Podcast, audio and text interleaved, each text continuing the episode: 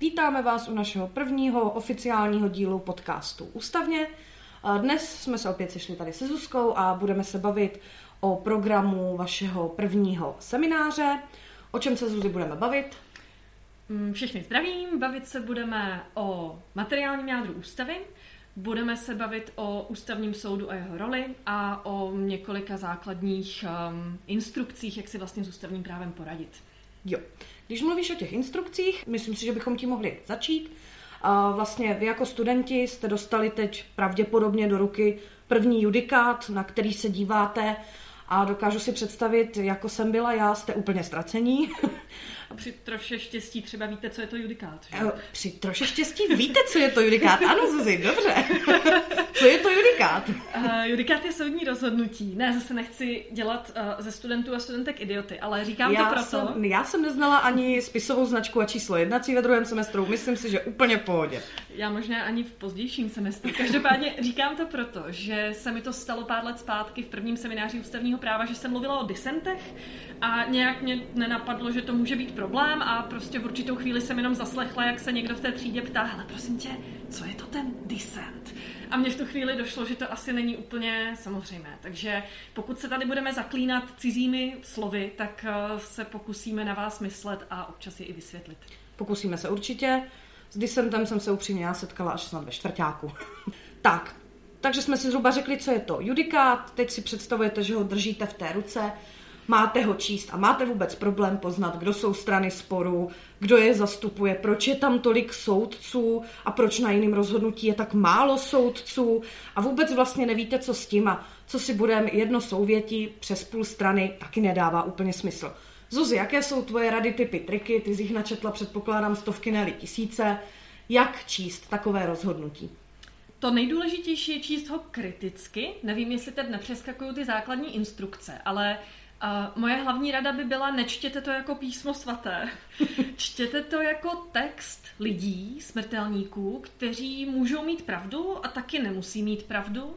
A myslím, že už v jednom z dnešních judikátů uvidíme právě v tom disentu, který už teď víte, co je, že jeden z těch soudců vyčítá těm ostatním a říká jim, hele, vy tady děláte úplně nové věci a ta argumentace, kterou k tomu používáte, vůbec není přesvědčivá. Takže ta moje rada je kriticky, ideálně s tuškou v ruce, Um, a pište si tam, podtrhávejte nesouhlasnou vlnovkou, uh, pokud budete chtít. Každopádně, uh, tedy o ten krok zpátky, um, ono to asi prostě chce cvik. Nemám úplně instantní recept na to, jak se s tím poprát. Na tu první sérii judikátů by bylo dobré si nechat spoustu času protože ze začátku to hold prostě trvá dlouho. Určitě. Já si pamatuju svoje první ústavko s panem docentem Molkem, kdy jsme měli v interaktivce asi tři ty judikáty. Já myslím, že jsem ani na ten seminář nešla, protože jsem si na to nechala neděli večera, měla jsem to v pondělí ráno a totálně jsem to nestíhala, protože jsem se tím prokousávala hrozně. Ale je pravda, že postupem času uvidíte, jak už se ten čas zkracuje a hlavně, že tomu jednoduše rozumíte, protože už víte, co hledat. A když Zuzka mluvila o té kritičnosti, vůbec se nebojte, nebo za mě bych se nebala toho, když s něčím nesouhlasíte. Nemusí znamenat, že soud má vždycky pravdu ve vašich očích. Když hmm. prostě nesouhlasíte, je to v pořádku, ale musíte k tomu mít ten svůj argument prostě. Určitě. A ještě bych možná byla hlavně přijďte, jo? Ne, že budete jako baru. jo, já vás, já vás k ničemu jako nepobouzím ani nemotivu. Myslete na to, že máte málo těch absencí, doktorům se nechodí. Choďte do těch seminářů, fakt. Ne, ne, ne, chci tím, chci tím říct to a vlastně to je i účelem těchto podcastů.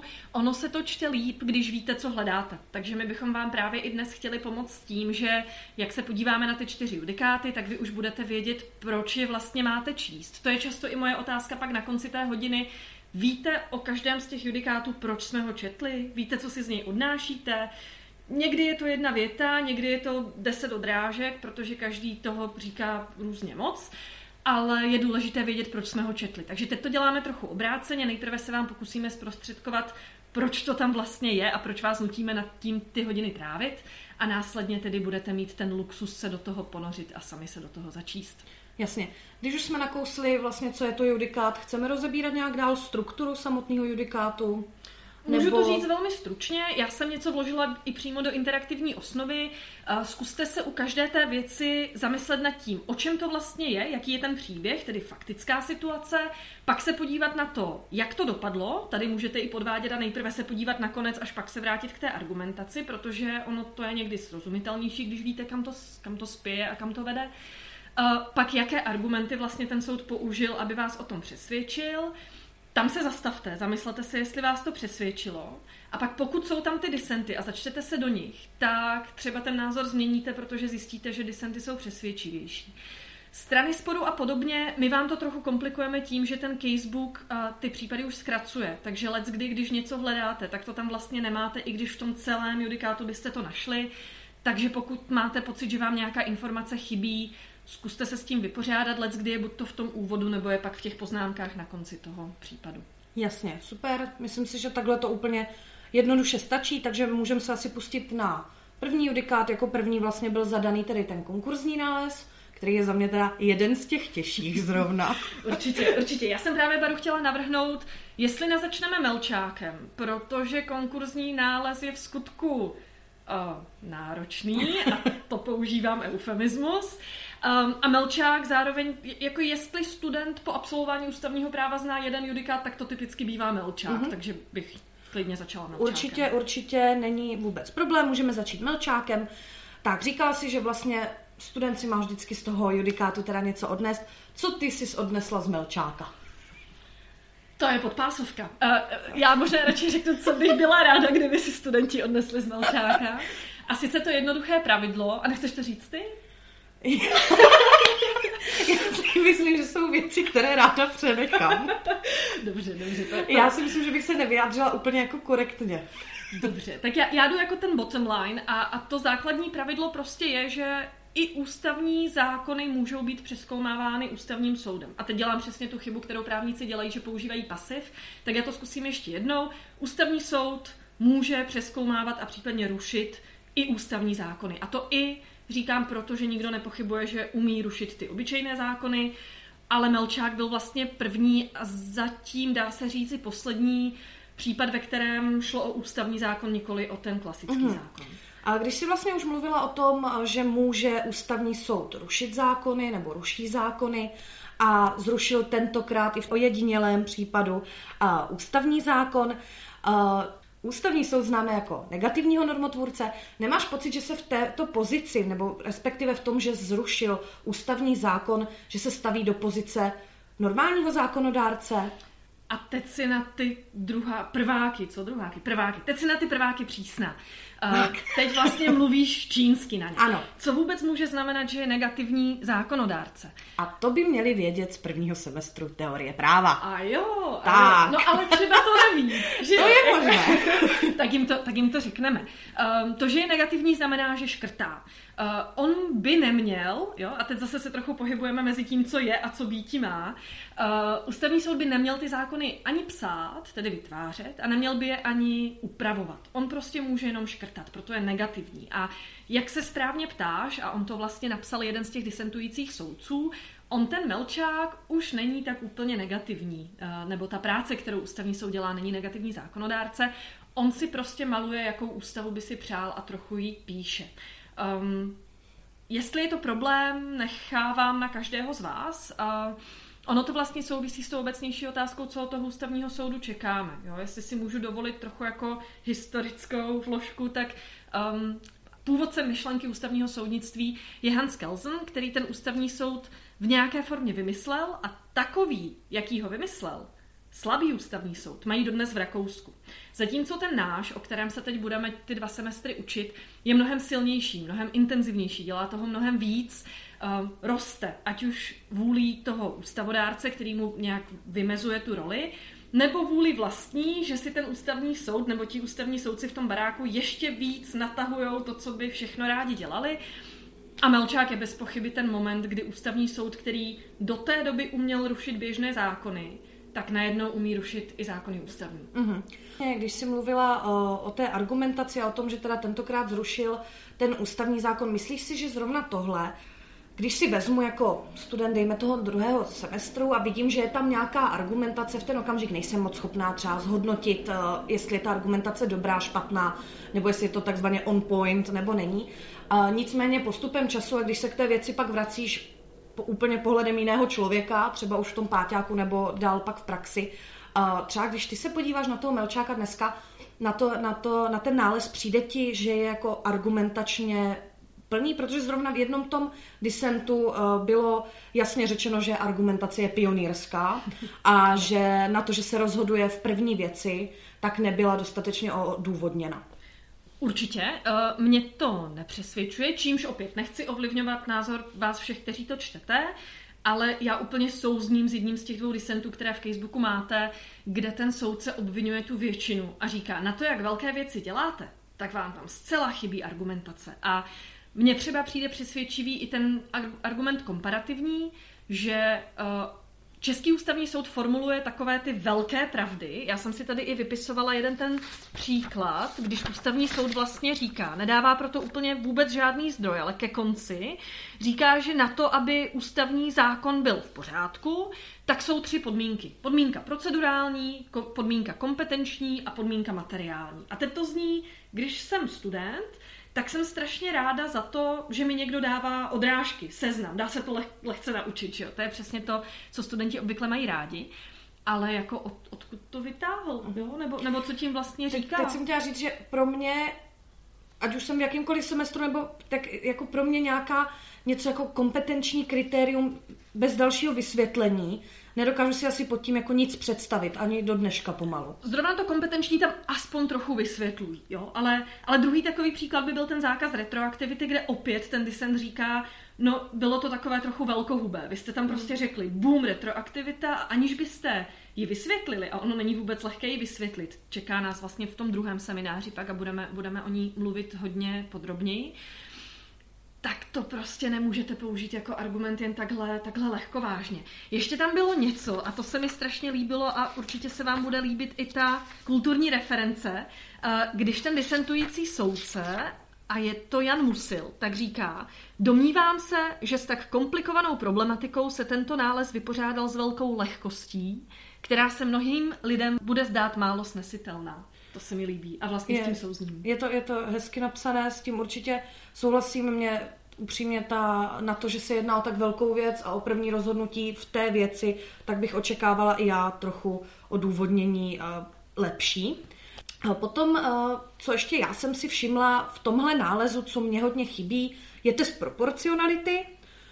Vy se o něm určitě budete učit v rámci seminářů.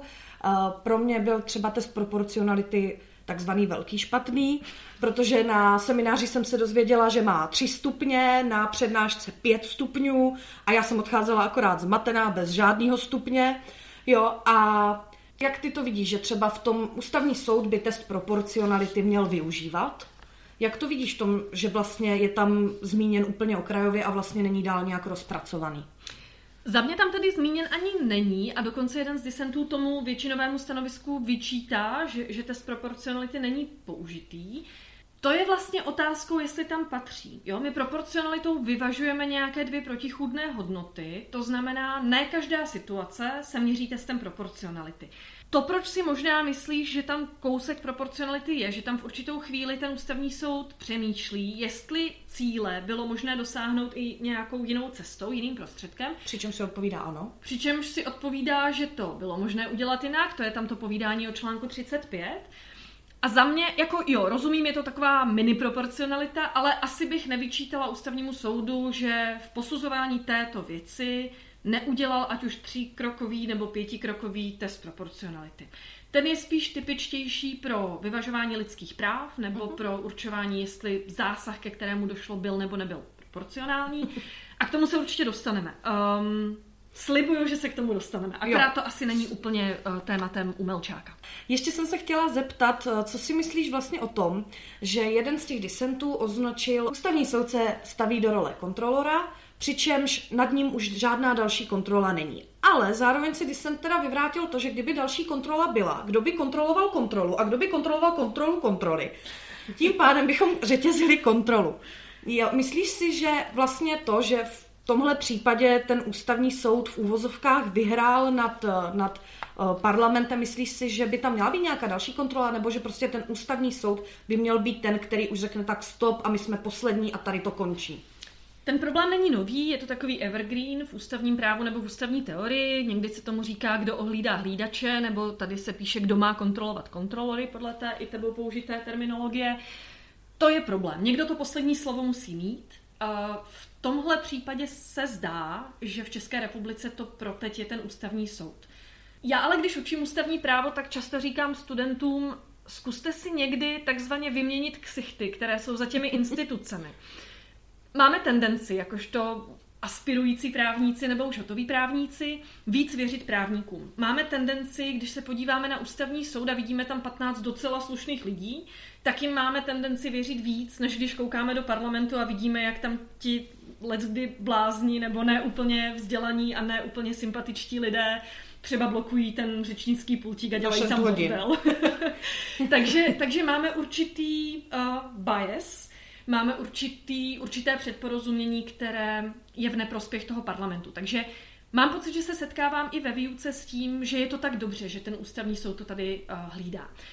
Když si ale vyměníme ty ksichty a řekneme si, že v parlamentu jsou poslanci a poslankyně, senátoři a senátorky, kteří reprezentují vůli lidu, vzešli z legitimních voleb a slušnou a dobrou diskuzí dojdou k tomu, že chtějí, aby něco nějak bylo, kdo je 15 nevolených borců a borek v Joštově 8 na to, aby jim řekli, ne, to se nám nelíbí. Jo, vlastně chtěla bych, abyste si představili ten svět z obou perspektiv a ono vlastně obě ty perspektivy mají něco do sebe. A taková ta arogance ústavního soudu nebo, nebo přesvědčení, že oni jsou prostě lepší a umí to líp a zvládnou to líp, mi přijde vlastně trochu, no, arrogantní. Jo, já ani nevím, co k tomu, co k tomu dál říct. Jestli možná můžu ještě jednu věc doplnit, i Slovensko má svého Melčáka. A tam je fascinující to, že poté, co slovenský ústavní soud skopíroval Melčáka a ještě ho citoval jako Mělčáka, protože si Slováci myslí, že když je někde E, tak to musí být I. E, um, tak vlastně reagoval slovenský ústavodárce a změnil ústavu, aby do ní napsal, že ústavní soud tedy fakt nemůže rušit ústavní zákony. A to je hezká dynamika, kterou si můžeme uvědomit, že v té České republice všichni tak nějak akceptovali, že Melčák je Melčák, ačkoliv to kritizovala spousta akademiků a vy co z toho čtete, a nebo jste četli, ale ten parlament si to prostě nechal líbit. Já jsem nad tím vlastně taky přemýšlela, protože v té době teda byla vláda, která byla schopná udělat tři pětiny na změnu a už jenom kdyby prostě se zastavili nad tím, že my tady děláme tří pětinu a on přijde a 15 lidí dojde a smete nám prostě uh, celý zákon, na který jsme se tady my scházeli všichni chudáci. A takhle to nebude a ústavnímu soudu prostě ustříhnem křidílka a dáme mu tam, že může jenom zákony, a překvapilo mě, že tehdy, vzhledem k tomu, jako, jaká vlna nevole se vůči tomu uh, zvrhla, to můžete zjistit uh, z mediálních článků, které máte v interaktivní osnově, mimochodem, tak uh, mě překvapilo, že právě tohle se nestalo. Hmm. Já bych tehdy, jako jak ta vláda byla postavená, že prostě byla nedůvěra vládě a celý ten historický background toho Mělča... A já jsem zo Slovenska. toho Melčáka, jak vznikl, tak bych právě čekala, že takhle se k tomu postaví. Ono to tak v tom právu nakonec je. A opět trochu reference někam jinam, než kde je Melčák. Když se teď hodně mluvilo o tom, jestli Miloš Zeman tedy najmenuje nebo nenajmenuje um, předsedu ústavního soudu mimo časovou působnost svého mandátu, tak se mi moc líbila myšlenka, když docent Kosař na přednášce říká, no, jedna věc je právo, druhá věc je fakticita. Když on si ho pozve, dá mu ten jmenovací dekret a dá mu klíčky od té kanceláře a uvede ho do té funkce, tak se to prostě možná stane. Když to nikdo nenapadne, když to, někdo, když to nikdo neskritizuje, tak to prostě tak bude. Takže to právo má svoje limity a pokud se všichni chovají tak, že něco akceptují, tak to tak prostě je. A tím vlastně jako naznačuji i to, o čem je jiný z těch čtyř judikátů, který se týká ústavních zvyklostí, ale tam se ještě dostaneme. Super. Takže myslím, že k Melčákovi takhle je to dost vyčerpávající. Určitě, já bych to možná zkusila shrnout. Um, ať máte trochu strukturu toho, co si z toho odnést, podle mě je v Melčákovi dvojí otázka. Ta jedna je, jestli to, co se stalo v parlamentu, je nebo není v pořádku. A ta druhá, vlastně trochu samostatná, je, jestli ústavní soud je ten, kdo o tomhle může mít nějaký názor a může s tím něco dělat. A je strašně důležité si ty dvě otázky od sebe oddělit, protože jsou to prostě dvě otázky a proto jsem vám i zadávala ten dobrovolný písemný úkol do interaktivní osnovy, um, paralelu, kterou naznačuje už jeden z disentujících soudců. Kdyby parlament ústavní většinou zrušil ústavní soud, tak si opět oddělte ty dvě otázky za A, jestli to může a jestli je to v pořádku a co si o to myslíte. A za B, jestli ten ústavní soud, který už v té chvíli není, může cokoliv o tom říct a může cokoliv proti tomu dělat. Super, takže to je asi k Melčákovi vše. Tak a jak říkala Zuzka, že jestli si něco odnesete eh, z ústavka, tak je to melčák, tak to jsem si odnesla já a teď pokračujeme dál a tam už budu lekce ztracená. Tak, jaký máme další judikát v interaktivní jo. osnově? Pojďme se jenom velice stručně podívat na konkurzní nález. My jsme obrátili to pořadí, čímž, čímž se teď vracíme v historii. Uh, on se ale konkurzní dá, nález nedá pochopit, aniž by člověk znal Melčáka. Je to tak, já když jsem viděla nadpis konkurzní nález, já jsem se viděla v insolvencích. A to je taky důležitá věc. Konkurs, si byl zákon o konkurzi a vyrovnání a o tom zákoně to bylo. Což je mimochodem často důvod, proč se v tom ten člověk ve druhém semestru naprosto ztratí, protože vůbec neví, co, co je to konkurs. Vůbec, no vůbec. Ale dobrá zpráva, ono to vůbec není důležité. Tady ten nález je o něčem a na konci je přilepená část římská 7, kam soudce zpravodaj nadspal nějaké své moudro, které je vlastně takový jako... Ještě tě Zuzi přeruším, promiň, ale říkali jsme, že jsou to studenti druhého semestru. Kdo je to soudce zpravodaj? Velmi dobrá otázka, Baru. Soudce zpravodaj je ten soudce, který má na starost ten spis a připravuje změní toho soudního rozhodnutí. To znamená, ten to reálně píše. Tak můžu to pochopit tak, že se nás tam sejde prostě těch 15, řekneme si, jo, chceme, aby to dopadlo takhle a ty běž a sepiš to. A to přesně ne, protože máme princip zákonného soudce a právě aby to nebylo tak, že kdyby, kdyby tohle mohl dělat třeba předseda soudu, tak by měl obří vliv na judikaturu. To znamená, on by neměl být schopen se nejprve zamyslet, jak chce, aby to dopadlo, a až pak říct, aha, tak jestli to chceme takhle, tak by to měl napsat Franta. Jo, obráceně. Máme nějakou tabulku, máme nějaké pořadí, podle kterého, když napadají ty věci k tomu soudu, tak se automaticky přiřadí těm soudcům. Takže konkursní nález takhle připadl uh, soudci Pavlu Holendrovi. A ten měl právě nějaký názor na to, co ústavní soud může a nemůže a jak ze široka může brát svou kompetenci. A on v tom konkursním nálezu udělal vlastně to, co později také on, stejný soudce zpravodaj, udělal v Melčákovi, jenom v tom konkursním nálezu je to mnohem víc skryto. Uh-huh. Stalo se tam vlastně to, že proběhla obří změna ústavy, když se Česká republika chystala vstoupit do Evropské unie. Ušetřím vás detailů, budu na to mít přednášku asi za měsíc. Zkrátka ústavodárce něco chtěl. A ústavní soud to nechtěl. Takže místo, aby řekl, my rušíme ten ústavní zákon, kterým jste udělali XYZ, tak řekli tady tu strašně složitou větu a já ji teď budu chvilku hledat, pardon. Ještě teda než Zuzka, Zuzka najde, kdybyste třeba chtěli blíž vidět, jak funguje soudce zpravodaj nebo, nebo celkově, jak probíhá taková práce na ústavním soudu, tak klidně koukněte do vaší interaktivní osnovy. Máte tam reportéry ČT a je to ze zákulisí kauzy Melčák, kde je to přímo natočené, jak právě to řízení probíhalo, mluví tam soudce zpravodaj, mluví o tom, kolik vyhotovil verzí, jak je rozesílal. Uh, I pro mě, i v Páťáku to bylo jako dost zajímavý, takže vám můžu jenom doporučit si to klidně pustit. Super, a já už to mám. V té sedmé části konkurzního nálezu říká ústavní soud, že žádnou novelu ústavy nelze interpretovat v tom smyslu, že by jejím důsledkem bylo omezení již dosažené procedurální úrovně ochrany základních práv a svobod. To, to, to neříká prostě vůbec nic, jo? A, a pak to pokračuje opět, že um, nelze interpretovat tedy tu ústavní změnu ve smyslu odstranění referenčního hlediska ratifikovaných a vyhlášených mezinárodních smluv o lidských právech nesrozumitelné, složité. Jo? Teď to zjednodušení. Ta změna, kterou ten ústavodárce udělal, bylo, že do té doby byla v ústavě nějaká kategorie mezinárodních smluv, já jim říkám pracovně MSLP, Mezinárodní smlouvy o lidských právech, a ty byly hodně důležité. Ale právě proto, že Česká republika se chystala vlézt do Evropské unie a spousty dalších evropských uskupení a stávaly se více a více relevantními, tak se ústavodárce rozhodl, že nemá smysl vyčlenovat ty mezinárodní smlouvy o lidských právech, naopak sjednotil všechny mezinárodní smlouvy do jedné kategorie, změnil text článku 10 a v důsledku to nejdůležitější, co ta změna udělala, bylo, že zatímco do té doby se o mezinárodní smlouvy o lidských právech staral výhradně ústavní soud a byla, bylo to jako jeho, jeho revír, tak nově už ty mezinárodní smlouvy, všechny, měly mít v rukou o něco víc ty obyčejné soudy, všechny soudy. Uh-huh. Konkurzní nález dělá to, že ústavní soud nevěří těm nižším soudům a říká, ústavodárce by vám chtěl dát tady tuhle kompetenci a nám vzít tu kompetenci. Ne, ne, ne, ne, ne. My si ji pěkně necháme, takže my budeme tu změnu prostě ignorovat. To je tedy první zvláštní věc. Druhá zvláštní věc je, že říkají, že pojem ústavní pořádek, o kterém budeme hodně mluvit, se musí interpretovat tak, že v něm zůstávají mezinárodní smlouvy o lidských právech. Fun fact, oni tam nikdy nebyli. To znamená říkat, že tam zůstávají, když je tam přidávám, je taky neúplně fér i jazykově. Takže zkuste se schválně podívat, jak vypadal, člán, jak vypadal článek 112 ústavy, když byla ústava přijata v 92. nebo od účinnosti 1. ledna 93. A jak vypadá článek 112 dneska. A to srovnání vám, myslím, přijde zajímavé. Mm-hmm. Super, tak jo. A ještě jenom, a mě ještě napadlo, když si mluvila o tom, že vlastně do té sedmičky to dali odnikud.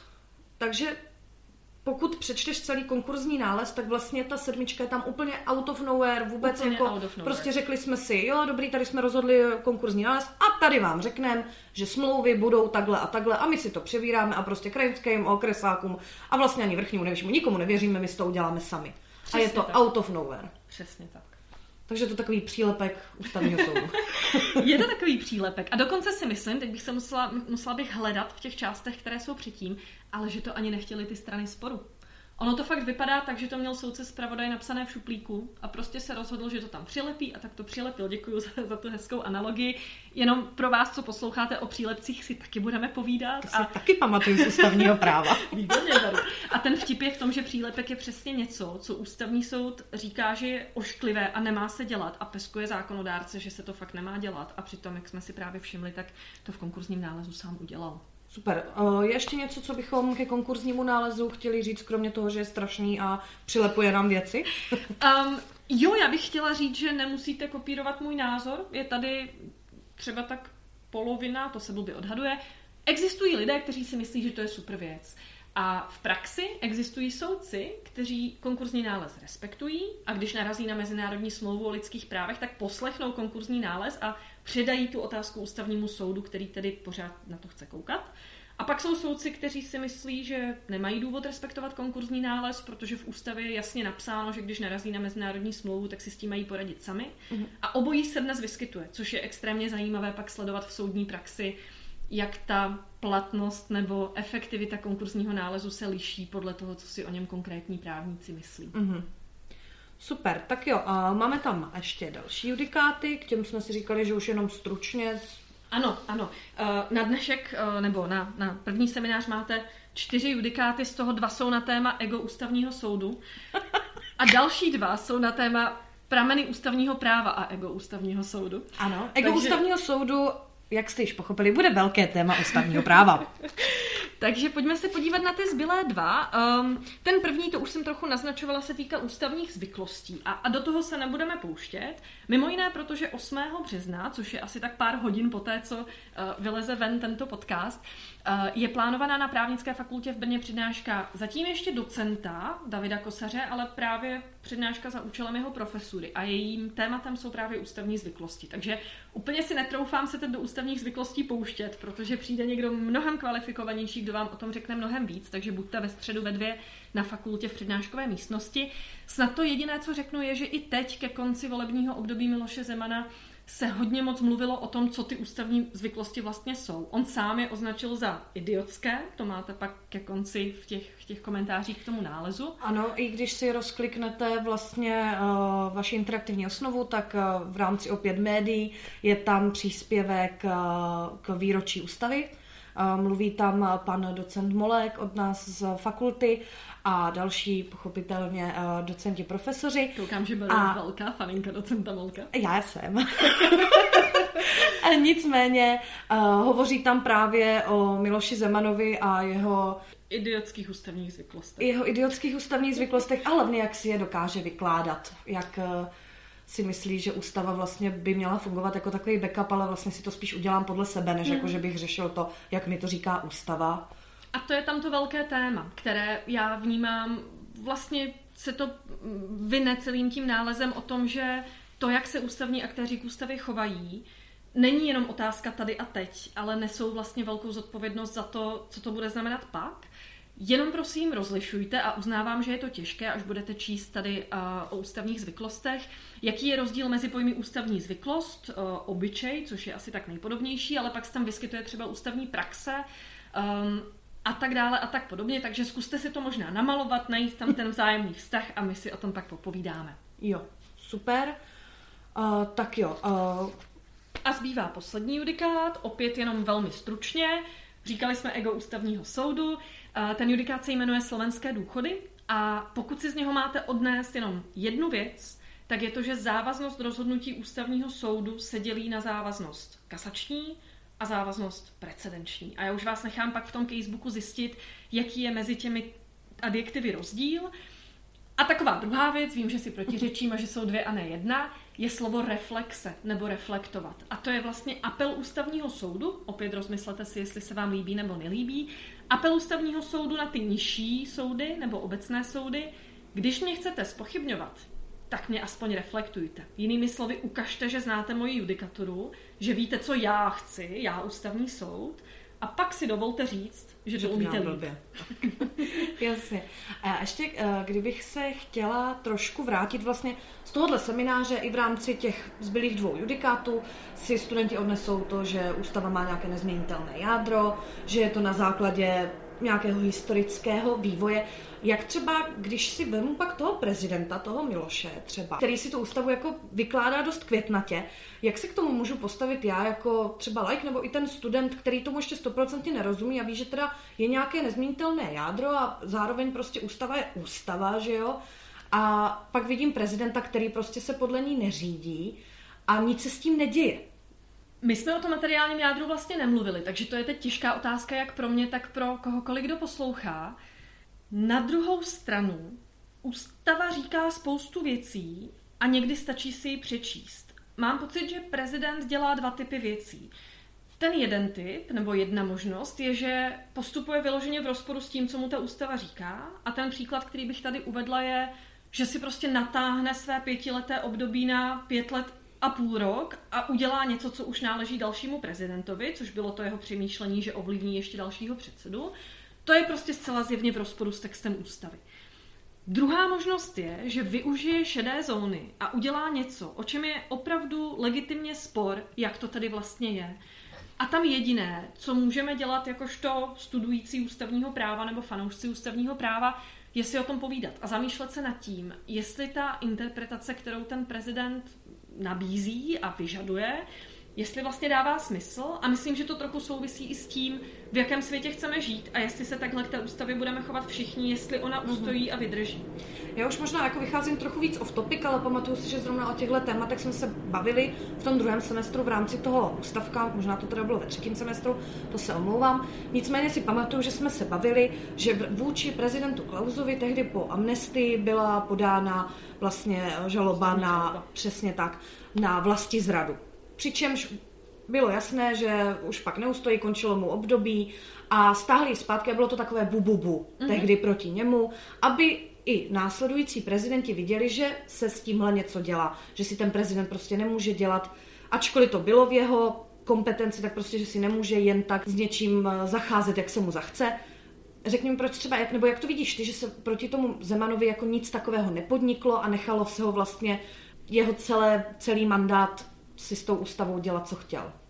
Podniklo, akorát tam se stalo několik věcí. Jednak proti Klausovi ta ústavní žaloba byla podaná a nebyla stažená, ale jemu doběhl mandát. Aha, tak pardon, já jsem myslela, že ustáhli, protože by mu doběhl nestáhli, mandát. Nestáhli, ale tehdy se v zákoně ústavním soudu psalo, že když skončí mandát prezidenta, tak se řízení zastaví. To znamená, aniž bychom se dozvěděli, jak by to dopadlo, tak my to prostě nevíme. To je tedy jedna věc. Druhá věc je, že tehdy šlo podat ústavní žalobu jenom pro delikt velezrady, zatímco teď už je to na jedné straně velezrada a na druhé straně hrubé porušení ústavy. Um, jak vidíš, tam došlo ke změně, něco platilo do toho roku 2013 a něco pak uh, po, po té právní změně. A on se sice rozšířil ten ústavní delikt, že už to není jen velezrada, ale je to i hrubé porušení ústavy. Ale zároveň se tam udělala významná změna. Zatímco předtím to podávali pouze senátoři, tak nyní potřebujeme i poslaneckou sněmovnu. Mm-hmm. A u Zemana se stalo to, že senátoři to sepsali, postoupili do poslanecké sněmovny, ale tam už se ta potřebná většina nenašla, což se nachází opravdu jako to by muselo být fakt něco obrovského. Teď je opravdu ten institut ústavní žaloby v podstatě paralizován. Takže na tohle Miloš Zeman spoléhal a díky tomu se ta věc ústavnímu soudu nikdy nedostala. Má to ale i dobrou stránku a sice, kdyby to podali, ještě na to mají asi tři dny nebo čtyři, eh, tak nově je v tom zákoně ústavním soudu, že se to nezastavuje, nebo, nebo odstranilo se to ustanovení, nevím, jestli tam dokonce explicitně není napsáno, že i po skončení mandátu se v řízení pokračuje.